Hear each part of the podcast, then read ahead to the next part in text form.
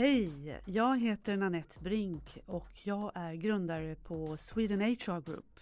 I den här podden diskuterar jag och min kollega Carolina Lilja tillsammans med vår partner Göran Smedberg ifrån Astra Advokater HR, ledarskap och organisationsutveckling ur ett arbetsrättsligt perspektiv. Häng med vet jag!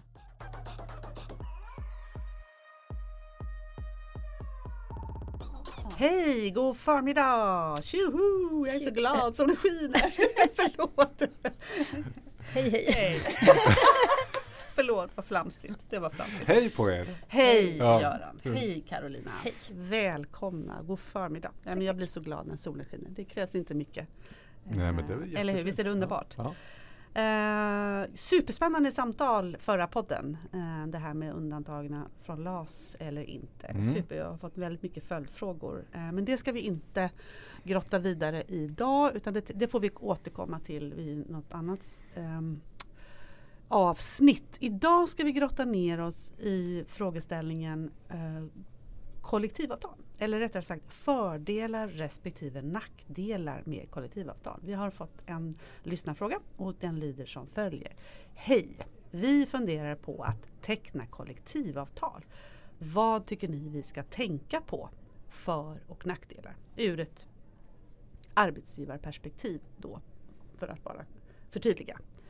Eh, ja, det finns ju en del spännande saker som man, kan, eh, som man ska ha med sig. Eh, lite så. Det beror ju naturligtvis vad man har för nuläge också. Men, eh, ska vi, börja, vi kan väl bara liksom kasta upp några saker som vi, som vi tänker att man behöver tänka på. Sen får man väl själv kanske fundera på om det är en fördel eller nackdel. Det är ju inte för oss att säga. Men vad man ska ha med sig. Eh, kommer du tänka på, på någonting?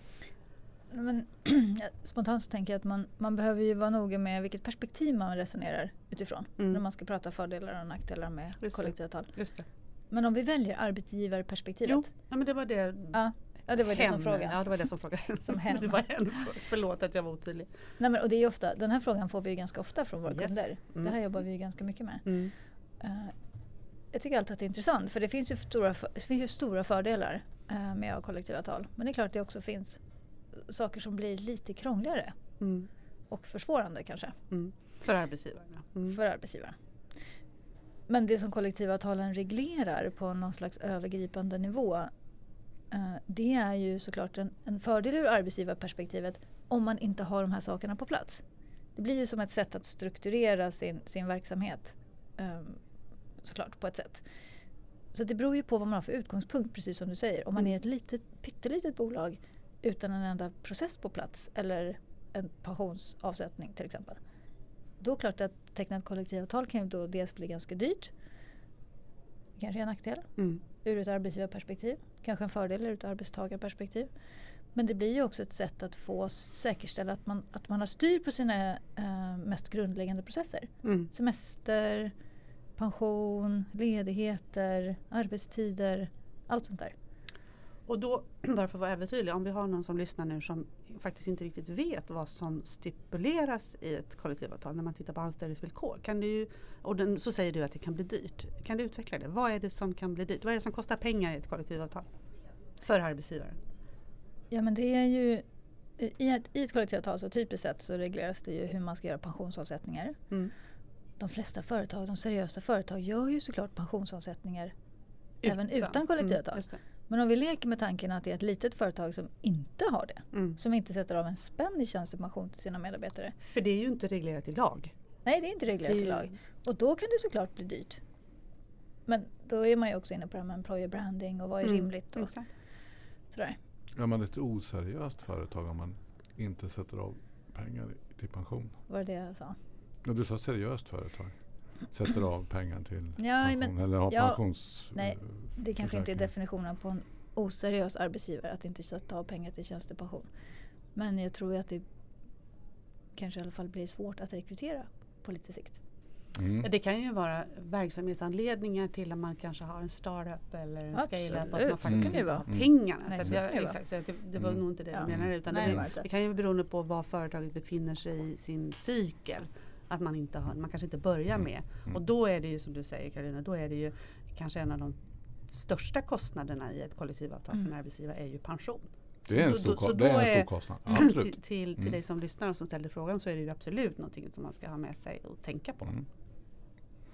Ja, och också tänka på ifall man faktiskt redan idag utan kollektivavtal har pensionslösningar. Mm. Vad är det som händer när, om man tecknar ett kollektivavtal där det står att ni skall ha den här pensionslösningen? Just det. Mm. Just det. Det bör man ju fundera på Mm. liksom, och ta höjd för Mm. eh, i, Och det är väl inte ovanligt? Det är tvärtom vanligt. Ja, jag tänkte säga Mm. det. Mm. Mm. Så det, det, är, det, det är saker tycker jag som, som man bör fundera på. Ehm, ja, försäkringar överhuvudtaget Mm. som följer med. Hur är det med eh, lönenivåer? Visst är det på det sättet att lön, själva lönerevisionsprocessen brukar ju vara reglerad och det brukar vara procentsiffror och, och så vidare i kollektivavtalen. Så det kan ju vara en fördel att man får möjlighet att budgetera. Det kan ju också vara en nackdel om man tycker att det är dyra procentsatser som man ska förhålla sig till. Mm. Eller vad säger ni? Ja, ja, absolut. Det är olika olika avtal. Ja. Det, är Ja, ju, det kan ju se väldigt olika det ut. ser ju Ja. väldigt olika Mm. ut. Men det är klart att det skulle kunna vara. Mm. Men annars är det väl inte många avtal där man stipulerar mm, Typ, det finns väl några avtal där, där det står minimilöner för det finns ju inte i lagen. Mm. Eh, vissa avtal tror jag sett inom detaljhandeln har väl olika tarifflöner. Mm. Eller visst är det så? Mm. så att, men annars är det ju inte lönen i sig Mm. som stipuleras eh, så. Det är väl kanske inte den stora saken ändå. Nej, Men- det är men det beror- pension? eller? ja. Och föräldralön som ju står i väldigt många kollektivavtal. just det. Mm. Just det. Mm. Ja, det är ju någonting Alltså som skiljer sig utfyllnad. åt. Mm. Mm. Mm. Mm. Alltså utfyllnad när man är föräldraledig. Mm. Mm. Som såklart kan bli dyrt. Mm. Mm. Eh, Och en annan sak jag kommer att tänka på övertidsersättning. För det är ju inte heller stipulerat i lag. Så det kan ju också vara en fördyr om man har en verksamhet där man behöver ha anställda som att jobba då mm. på övertid. Då får man ta höjd för det i den ekonomiska kalkylen. Mm. Om man ska gå in på avtal. Mm. Eller? Mm, absolut. Det är ju lite sådana där, det, är ju en del måsten som kommer. Mm. Som du sa. Mm. Att man måste ha en viss pensionslösning, man måste ha eh, vissa ersättningar. Mm. Och sen blir ju också beslutsordningen en annan. Mm. Vad Mm. menar du? Jo men att man som företag som har kollektivavtal behöver ju involvera de fackliga parterna i Just. sina beslut proaktivt innan man fattar sina avgörande beslut. Mm. Det är ju såklart en stor skillnad. Att, att bedriva företag utan kollektivavtal då, då kan man ju fatta beslut helt på egen hand. I många. I många, Många fall. fall, Ja, ja. Inte i det enskilda. Mm. Jag vet. Men, men i de stora organisationsförändringsfrågorna i alla fall. Om det inte berör någon enskild medarbetare. Mm. Och det kan man ju inte om man är kollektivavtalsansluten. Mm. Då behöver man ju involvera sina eh, fackliga motparter. Men det som också är bra med det är ju att man får en chans att få in flera perspektiv i besluten. Mm. Mm. Och det är ju verkligen inte alls dåligt. Jag kan ofta ha upplevt att det faktiskt blir... Det, ibland är det lite plågsamt att gå in i ett kollektivavtal för man behöver ändra sin process i hur man tar beslut. Och man kan ibland få höra att företagsledare tycker att det tar mycket längre tid och det ska in med en massa åsikter och beslut och risker och sånt som för, för liksom sinka processen. Mm. Just det. Men det som också är bra och som jag tycker man ser ganska snabbt när man kliver in i ett kollektivavtal är att man får också in fler perspektiv. Och man får ju mycket bättre underbyggda beslut. Och man undviker en del minor som man kan gå på faktiskt när man inte har tagit med alla Mm. perspektiven. Mm. Så det finns ju fördelar och nackdelar. Mm. Så, så det är också, så det som du säger nu, det beroende på då om frågeställningen är, vad är, ska man göra eller ska man inte göra det? Så det, den frågan som du lyfter nu Karolina, den är också då direkt kopplad till, okej, vad, vad står vi inför? Vad har vi för Ja, typ av verksamhet? Mm. Är vi, är vi en verksamhet som planerar att göra eh, stora omstruktureringar eller stora förändringar eller whatever, så är det en aspekt som man ska väva in här då. Mm. Att då kommer det kanske ta lite längre tid, man behöver göra, följa viss formalia. Mm. Det du säger. Mm. Mm. Göran, vad säger du? Ja, jag Spontant, ser- nej, hade men jag- du, vad, vad tänker du? Ja, jag, tänker, ja, nej, men jag tänker som ni gör samtidigt som att eh, eh, man, kan, man kan fundera på det här sättet att vad är det för regler som kickar in så fort vi har ett kollektivavtal? Alltså bra eller dåliga regler. Mm. Då, det är regler som kickar in Mm. som om man inte följer dem så blir det, kan det bli dåligt. Mm. Ja. Eh, eftersom man får, kanske får betala ett skadestånd för att Just man, man, just man inte följer reglerna. Mm. Eh, och, och du Carolina, du pratar om förhandlingsskyldigheten. Då, Mm. Och den ser ju helt annorlunda ut om man har ett kollektivavtal i förhållande till om man inte har kollektivavtal. För Då, då är det ju elfte och tolfte paragrafen i MBL som kickar in i och med att man har ett Mm. kollektivavtal. Och då får man ju en mycket, eh, mycket ska jag inte säga, men eh, an, antagligen så får man en större Alltså en förhandlingsskyldighet i, i, i fler situationer. Exakt. Mm. Alltså en viktigare förändring av Precis. verksamheten ska, ska, ska förhandlas då. Mm. Och en viktigare förändring av verksamheten det, ju, behöver ju, ja, det kan vara mycket. Mm. Så här, Better som- safe som om- than sorry brukar jag säga. Ja, lite grann så. Och, och, och, och det, då får man antagligen en större eh, ska jag säga, börda att förhandla. Samtidigt så har man ju då, precis som du var inne på, så, så får, har man ju upparbetat antagligen, förhoppningsvis, man har, i vart fall om man har en egen klubb på, på, Mm. på företaget, så har man ju en kontaktyta där Mm. Mm. som, som är upparbetat. Det kanske går ganska fort att hantera de här sakerna. Mm. Eh, och jag vet att det är de här som jag ska förhandla med. Det är de som är kollektivavtalsbärande Mm. Som jag ska förhandla Mm. med. Jämfört med om, om jag inte har något kollektivavtal alls och jag ska säga upp på grund av arbetsbrist. Då måste jag gå ut och fråga alla berörda. Ja. Och då kanske det är 9, 10, 11 fackföreningar som man ska förhandla med. Mm. Det kan ju bli ganska stökigt. Mm. Mm. Ta längre tid. Ta längre tid. Mm. Och det är massa olika eh, kulturer som, som finns inom, inom arbetstagarorganisationerna. Mm. Så här ska man vara medveten om att det, det kommer ställas andra krav på en. Och sen om det är bra eller dåligt, det, det ligger ju i betraktarens öga. Ja, men Mm. exakt. Mm. exakt. Mm. Precis. Det finns verkligen både för och nackdelar. Ja, det gör det. Ja. det, gör det. Och sen finns det sådana här regler om vi tittar i LAS att man ska, man ska visstidsanställa. Då ska man Mm. informera facket om det om man Mm. har kollektivavtal. Mm. Sen står ju det ofta i kollektivavtalen också att man ska Mm. göra det.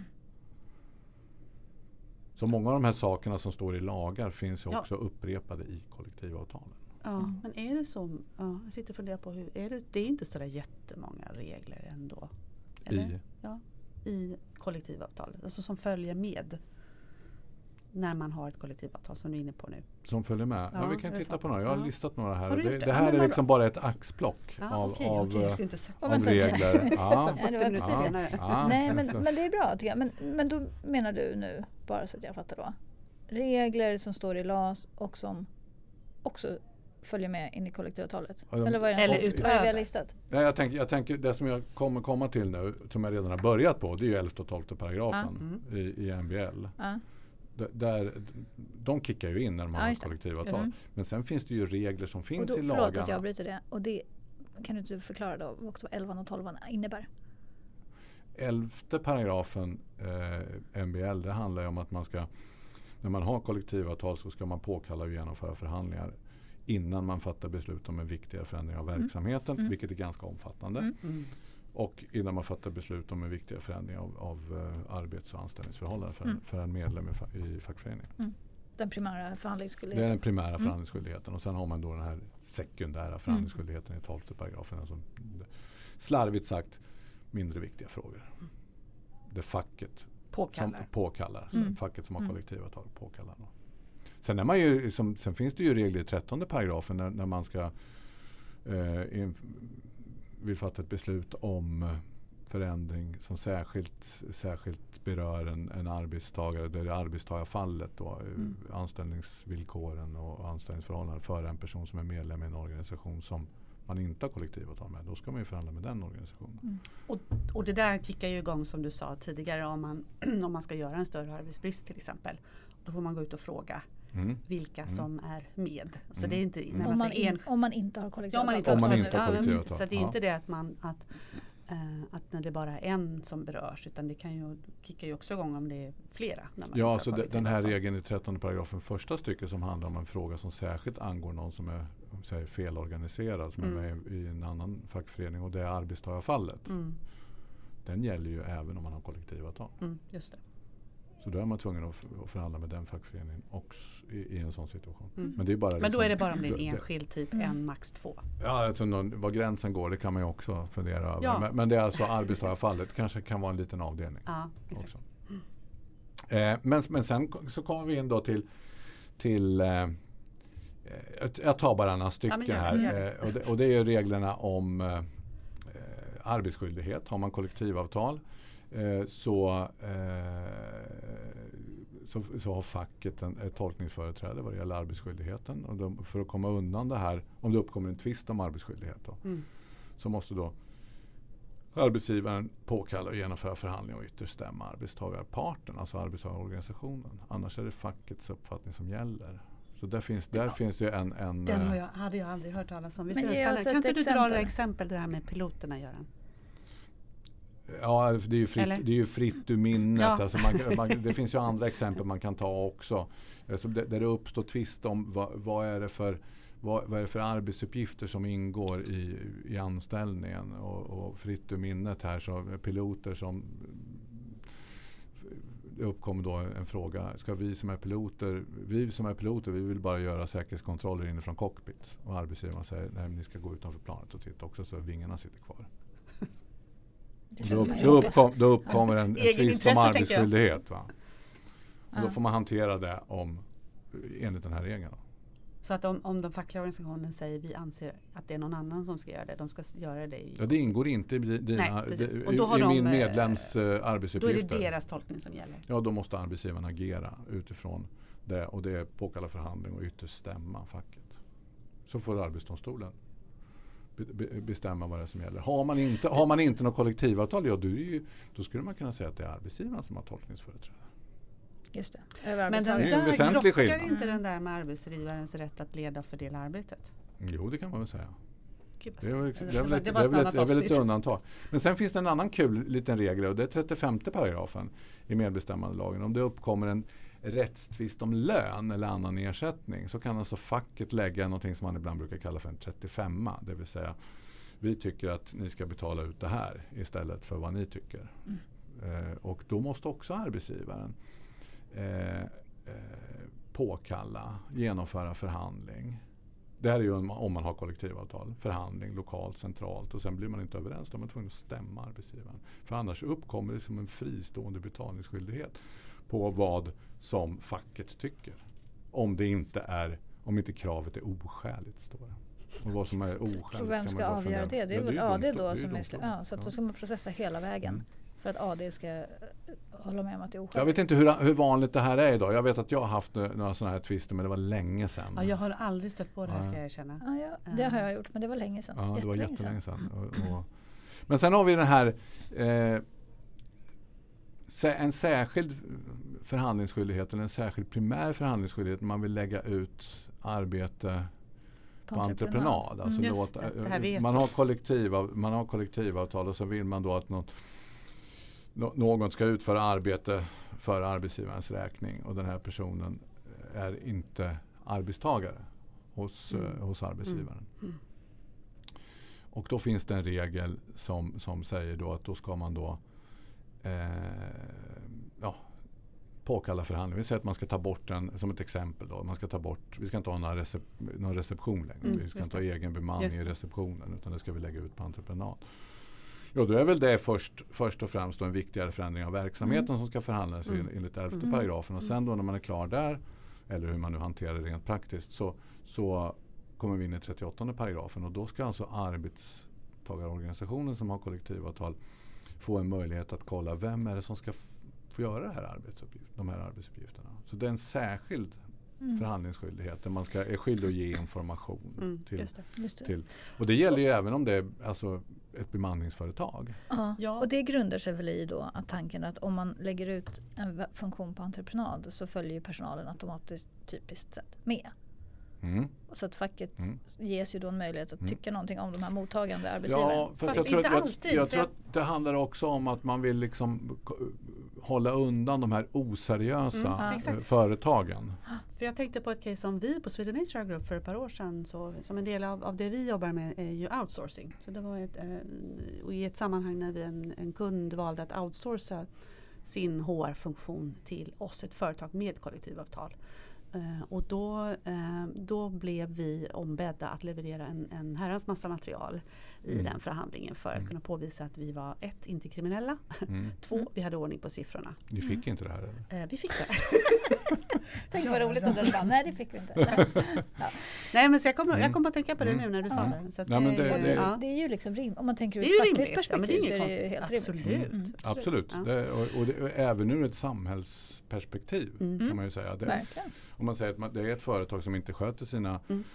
Har en taskig, en dålig arbetsmiljö, man Mm. tar inte sin personal på allvar, eh, man, man betalar inte in sociala avgifter eller vad det nu är för Mm. någonting. Va? Mm. De, de ska man inte släppa in. Mm. Så att säga. Mm. Mm. Sen, sen eh, så säger man då så här att det här gäller ju inte om arbetet är av kortvarig och tillfällig natur eller kräver särskild sakkunskap och det är inte fråga om att anlita ja, bemanningsföretag. Då. Så bemanningsföretag, då gäller det här för. Men det, har man ju, det löser man ju ofta genom att man har alltså en lista på godkända Mm. bemanningsföretag. Just det, Mm. just det. Eller god, alltså, de, de här som är kända, de, Mm. de som vi har Mm. arbetat med tidigare. Mm. Eller kräver särskild sakkunskap. Det, det är något väldigt speciellt. Vi ska hyra in en, en, en jurist. Mm. En, ja, vad det nu är för någonting. Någon som är, är, eh, har en, en, en, en särskild kunskap. Men vad är då en kortvarig och tillfällig natur? Om arbetet är av kortvarig och tillfällig natur. Säger han och ler. Ja, nu ler jag. Nu, nu. Nu är Ja. vi igång. Nu är vi igång. Då har vi det här exemplet. Då har vi det här exemplet. Vi har en situation där eh, det här företaget ska byta ut alla lysrör. Mhm. Det är väl någon sån här grön omställning. Lysrör. Mm. Alla lysrör ska bytas ut. Mm. Och det, det tänker man då att det tar två veckor. Många lysrör blir Det är många lysrör. Mm. Ja, det tar en vecka. Ja, det är i alla fall Skitsamma. Ja, precis. Vaktmästaren ska då byta de här eh, lysrören. Mm. Som tar 14 dagar. Mm. Och sen hyr man in eller anlitar då ett bemanningsföretag som ska hämta posten. Hyr man in Ja, eller anlitar- outsourcar man, Man anlitar ett bemanningsföretag. Okej. Ja, Men är det samma sak som entreprenad verkligen? det kunna. Förlåt, nu Ja, det, är någon, det, är någon, Mm. det är någon som inte ska vara anställd hos oss. Mm. Och det ska den personen göra i 14 dagar. Mm. Och då uppkommer frågan. Finns det en förhandlingsskyldighet enligt den här paragrafen då? Eftersom man ska anlita någon som hämtar och lämnar posten under 14 dagar. Är är det här en fråga som man får, som man får svara på? Eller Ja, du får svara. Du får svara. Så frågan är egentligen, är, är det här arbetet av kortvarig och, te- kortvarig och tillfällig natur? Det är frågan. Ja, ja, ja, det skulle jag säga. Jag med. Nej. Nej. Nej, det här är ju ett arbete som man gör varje dag. Jaha, posten är ju Ja. inte kortvarig tillfällig. Ah. Men lysrören är. Åh, vilken jävla slamkryp. Ja, visst är den, visst är den läskig? Ja, Det är som en en sån här tentamensfråga. dålig- Ja, verkligen. Den hade kunnat höra hemma på Ja. arbetsrättstentan. Ja, ja nej, men den, den, den, är, den är lite rolig. Men så att om man hade hyrt in någon för att byta lysrören, Yes. då hade det varit kortvarigt Yes. tillfälligt. Man hade inte behövt Ja. förhandla. Ja. Men eftersom den ordinarie personalen ska göra Ja. den sysslan Ja. och man behöver hyra in någon för att göra det här som görs varje dag. Även om det bara sker under två veckor. Ja. Så måste man förhandla. Helt Det är en riktig Ja. arbetsrättstentefråga. Ja, Aha, den, den, är, den är Ja. inte så, den är Den inte ska jag så lägga snäll. till i min arbetsrättsutbildning. Ja, då, precis, och då får vi klippa bort det här då från, från Exakt. podden för annars har man ju Ja, facit här. sant, sant. Ja. Fan. Ja. Men sen är det då kopplat då ett, eh, ett veto. Kommer, Mm. kommer eh, en vetorätt för facket är kopplat till det här då. Om man kommer fram till då eh, att det här företaget då inte är ett schysst företag om vi är lite slarviga i hur man uttrycker det. Så kan facket säga ni får inte anlita de här. Mm. Det har jag varit med om. Mm. Jag också faktiskt. Mm. Ja, Och då kommer man eh, fram till då i ditt exempel Ja, eh, Nanette, så, så hade ju du, eh, ni hade, har, har ju inte kollektivavtal. nej. Men det är ju ingenting som man kan kräva enligt Nej, det nej. här. Det ska väl sägas att det påtalades. Ja. Eh, men eh, så. Eh, men det, precis som du säger, det var ju ingenting som, som, var, in, som var ett skallkrav. Mm. Eh, men man tog ju möjligheten att påver- på, Mm. påvisa den då. Mm. Mm. Men så det här är Mm. liksom en, eh, ett litet axplock. Sen, sen finns det ju andra regler som vi har ju till exempel eh, ja, i dessa dagar så är det ju lite stridsåtgärder som man har haft eh, för inte så länge sedan en vild strejk inom, Ah, inom det. pendeltågen. Mm, just det. Man har, det är eh, eh, varsel till, Mm. var det till Mm. idag? Eller? Ja, de har skjutit fram det nu till De, måndag. sk- de sköt fram det, ja. Mm. Eh, så, så man kan säga som så här att det här med fredsplikt. Har man kollektivavtal så är ju huvudregeln att, att det råder fredsplikt mellan, mellan parterna. Mm. Eh, det är huvudregeln och sen Mm. finns det vissa undantag från det där. Men, men huvudprincipen är det så att man är hyggligt trygg så Mm. länge man har ett kollektivavtal från att bli utsatt för, för stridsåtgärder av sin, Mm. sin, eh, av sin kollektivavtalspart. Mm. Mm. Så att säga. Det här är, jag ska inte säga att det här är de här Det är inte uttömmande. Nej, nej, men det är, det är inte uttömmande Nej, och det är det, inte- jag ska inte säga att det är nack. Att Nej, det är jag det, nackdel, för jag, jag säga. sitter Men och, det, och det är bra försöka, att veta Ja, men att det är det exakt. finns. Tack Mm. för att du Mm. eh, säger det. För jag ska försöka sammanfatta lite så här då. För, för att hen ställde ju frågan, vad ska vi tänka på? Mm. Eh, och så vidare. Och det är precis som du säger att det, vi försöker lyfta vad man ska tänka på men, men om det är för eller nackdelar Mm. det är ju lite från betraktarens eh, perspektiv. Absolut. Eller hur? Ja, Men om jag ska försöka mig på någon form av sammanfattning så, så är det väl två huvudspår och nu får ni sufflera mig. Det ena som man ska tänka på att eh, kollektivavtal eh, medför vissa kostnader. Mm. Och det eh, bland annat pension och andra saker. Så det, och det där beror ju på vad man själv redan erbjuder. Om det betyder en nackdel eller fördel och så vidare. Det kan ju finnas en tydlighet i vad som gäller. Men så du har ju hela kostnadssidan som en kollektivavtal medför. Och sen har du den här sidan som å ena sidan är eh, en, en eh, mindre flexibilitet om jag vill kalla det så. För att du ska så att säga det, det tillträder en förhandlingsskyldighet på väldigt mycket som ska ske i bolaget. Så Mm. det ska man ju uppfatta som en mindre flexibilitet. Å andra sidan som jag tror du eh, Carolina lyfte så är det också kan det också innebära att man får andra perspektiv Mm. och att man får en förankring i, olika beslut. Så det där är, är verkligen ingen för eller nackdel utan det Mm. beror lite helt på var Mm. man sitter i för Mm. organisation. Mm. Men det är ju tids, tidskrävande, det tror jag vi är överens om. För det Mm. blir ju så att man Mm. har en betydligt högre förhandlingsskyldighet i betydligt fler frågor. Mm. Och det driver tid. Mm. Och tid är pengar. Så att, är det, visst är det väl de två huvudspåren? Alltså den ekonomiska villkors och så hela den här Mm. tids Mm. och... Mm. Eller? Ja, absolut. Men sen tänker Mm. jag också att de här exemplen som du lyfter Göran, den visar ju också på en annan aspekt av att ha kollektivavtal. Man behöver ju vara ganska påläst. Mm. Man går ju in i ett avtal, i, i ett ömsesidigt avtal med en annan part som, som, som får och ska ha insyn och åsikter om min verksamhet. Och det kommer ju med också ehm, krav på motprestation. Alltså det kommer ju, nu vill jag plötsligt säga obligations på engelska för jag kan inte plötsligt hitta ordet. Oh, vad du har blivit Äh, internationell. international. Ja. Nej, men det What do you mean? Ja, skitsamma, ni fattar. Nej, men det kommer, så man behöver ju också... alltså på något vis så behöver man ju lyfta hela organisationens... Hur man tar beslut, hur man genomför förändringar och hur man förhåller sig till de här frågorna. måste ju upp ett snäpp Mm. när man har kollektivavtal. Mm. Man behöver ju vara påläst, man behöver förstå de här sakerna. Eh, både på kostnadssidan, på förhandlingssidan men också på de här grejerna som du Mm. lyfter Göran. Mm. Det är ju ganska mycket så här arbetsrättsligt finlir Mm, eh, att förhålla sig till. Mm. Så man behöver ju få upp sin förståelse lite. Absolut. Och det kan jag tycka Och ibland att man kunskap, ser. Och kunskap. Ja men verkligen. Mm. Och då, då, det kan man ju ibland se en liten, och det kan jag tycka ibland att jag ser hos lite mindre kunder eller, eller organisationer man pratar med. Att man är rädd för just det där. Ja, men jag, Mm. jag kan inte det här, jag Mm. förstår inte hela komplexiteten. Mm. Och då kan man väl också bara lyfta att alltså, att gå med i ett kollektivavtal handlar ju om att man går med i en arbetsgivarorganisation. Mm, just det. Och Ja, eller, oftast, eller oftast. att man träffar ett hängavtal. Ja, men det Mm. kan vi väl usch, bara strunta i. Mm. Vi, vi låtsas att man, men i typiskt i alla fall i utgångspunkten så är man ju med i en arbetsgivarorganisation. Och då har man ju också ofta väldigt bra stöd. Mm. Mm. Mm. Min erfarenhet är att arbetsgivarorganisationerna är jätteduktiga och väldigt bra att ha att göra med. Så att man blir ju inte, man blir ju ett del i ett sammanhang, i ett kollektiv. På ett annat sätt. Mm. Jo, men visst är det så. Så det finns ju också hjälp att hämta. Mm. Det är ju lätt att man känner sig lite matt tror jag. Och ibland kan jag få uppfattningen att organisationen blir såhär, nej det här är bara för svårt och för krångligt och det är så mycket jag ska förhålla mig till och jag orkar inte, jag struntar i det. Mm. Men det kommer ju också automatiskt med, om man inte har hängavtal då, Mm. så kommer det automatiskt också med Mm. en, liksom, Men det är ju många som har hängavtal och hur får, hur får de sina kunskaper? Ja, då anlitar man typ eh, Sweden exempel. Group eller går till Mm. advokat Göran Smedberg eller någon annan som håller på Absolut. med de här Det sakerna. finns ju hjälp att hämta liksom. Det finns hjälp att hämta, Mm. Mm. helt klart. I utgångsläget så är det ju någonting som är väldigt bra med kollektivavtal. Det är ju någonting positivt. Eh, tycker jag. I alla Mm. fall i väldigt många aspekter. Men däremot så tycker jag att fackförbunden generellt är ju inte så bra på att förklara vad det är som är så bra med kollektivavtal. Utifrån arbetsgivarens perspektiv. De pratar ju väldigt mycket från ett fackligt perspektiv med trygghet och inflytande och allt det där.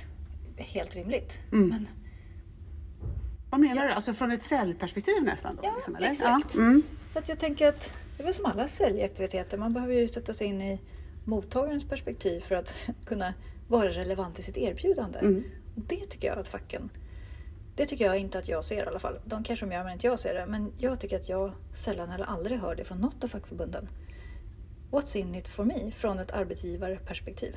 Och det, ja, men det är ju väldigt spännande för det där får mig att tänka på, eh, visst var det Daniel Ek, eller det var Daniel Ek från Spotify som gick ut här för ett par, par veckor sedan i något öppet brev till de fackliga organisationerna för jag tror att han har blivit eh, kontaktad då, fast kanske inte på ett direkt sätt. Och eh, jag tror att han sammantaget så handlar det om att han sa till dem så här, förklara, vi, vi har jättegärna en dialog, men alltså snälla kan ni bara förklara vad är värdet? För han, jag tror att han menar att de erbjuder eh, branschmässiga villkor och det ena tredje. Så det var på samma tema, eller hur? Det Ja, här med tror att- säljandet. Liksom. Just med Mm. Spotify så tror jag att det var att fackförbunden har approcherat dem och krävt att få teckna kollektivavtal. Ja, det. Och de har väl haft en dialog som Mm. jag förstod det. Nu, Mm. Jag vet ju inte men som jag förstod det. Mm.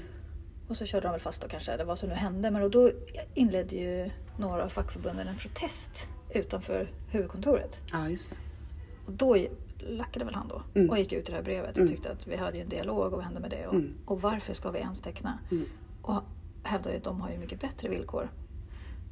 Och, och sen tar det liksom stopp. Ja. Och jag fattar att de har ju en dialog som inte vi har insyn i men i det offentliga rummet så tar ju dialogen stopp sen. Mm. Och det är lite konstigt att inte fackförbunden passar på att sälja in sitt koncept. Som ofta är väldigt bra. Som ofta är jättebra. Jag är för kollektivavtal. En, en, en, en Oh, sista ja, grej. okej, jag tänkte stänga som- luckan annars. Jag förstod det. Ja, jag såg, såg det att, på mig. att, så, Mm. såg att du höll på Mm. att fälla ner bommen. Här. Men, men jag bara, bara kom att tänka på det finns ju en sak som faktiskt också kickar in och som är väldigt värdefull i många sammanhang. Och det är att har man kollektivavtal och det uppkommer en tvist, en, till exempel en eh, man, man säger upp någon eh, som är medlem i facket eller kanske till och med inte är medlem i facket. Men man har ett kollektivavtal. Om man säger upp den här personen det uppkommer en tvist om uppsägningens eh, laglighet. Då, ja, då ska det ju förhandlas lokalt, centralt. Och sen är, det, sen är det ju direkt till Arbetsdomstolen. Mm. Det är en väsentlig skillnad. Mm. Mm. Just Att börja i Arbetsdomstolen mot att börja i, i en tingsrätt. Mm. Mm. Just det. Så att det, Och, och varför är det det då? Jag fattar. men att det är en väsentlig, väsentlig skillnad. Mm. Ja, det tar ju dels mycket längre tid. Mm. Tid är pengar. Och sen får du väl eh, generellt sett eh, så blir det väl det är ju en, en specialdomstol som är Mm. inrättad för att Mm. hantera arbetstvister och där Mm. sitter det kompetenta domare. Mm. Det är inte alla domare som kanske har sådär jättebra kunskaper i arbetsrätt när man kommer ut i landet. Mm. Ute i Här, tingsrätterna. här är, eller? ja, Mm. precis, ute Mm. på tingsrätterna i landet. Så här, Mm. det tror jag är en, en, Mm. Bra. Också en bra en, bra, en bra grej att ha i Mm. bakhuvudet Mm. kanske. Mm. Slutkläm. Bra. Mm. Eh, tack Göran. Eh, tack Karolina. Och du eh, som ställde frågan där ute. Eh, kan ni inte bara meddela oss? Vad gjorde ni? Vilket beslut tog ni? Spännande att höra. Mm. Och varför? Mm. Eller ring om ni behöver lite mer hjälp. Eh, vi sätter punkt där. Det tycker jag.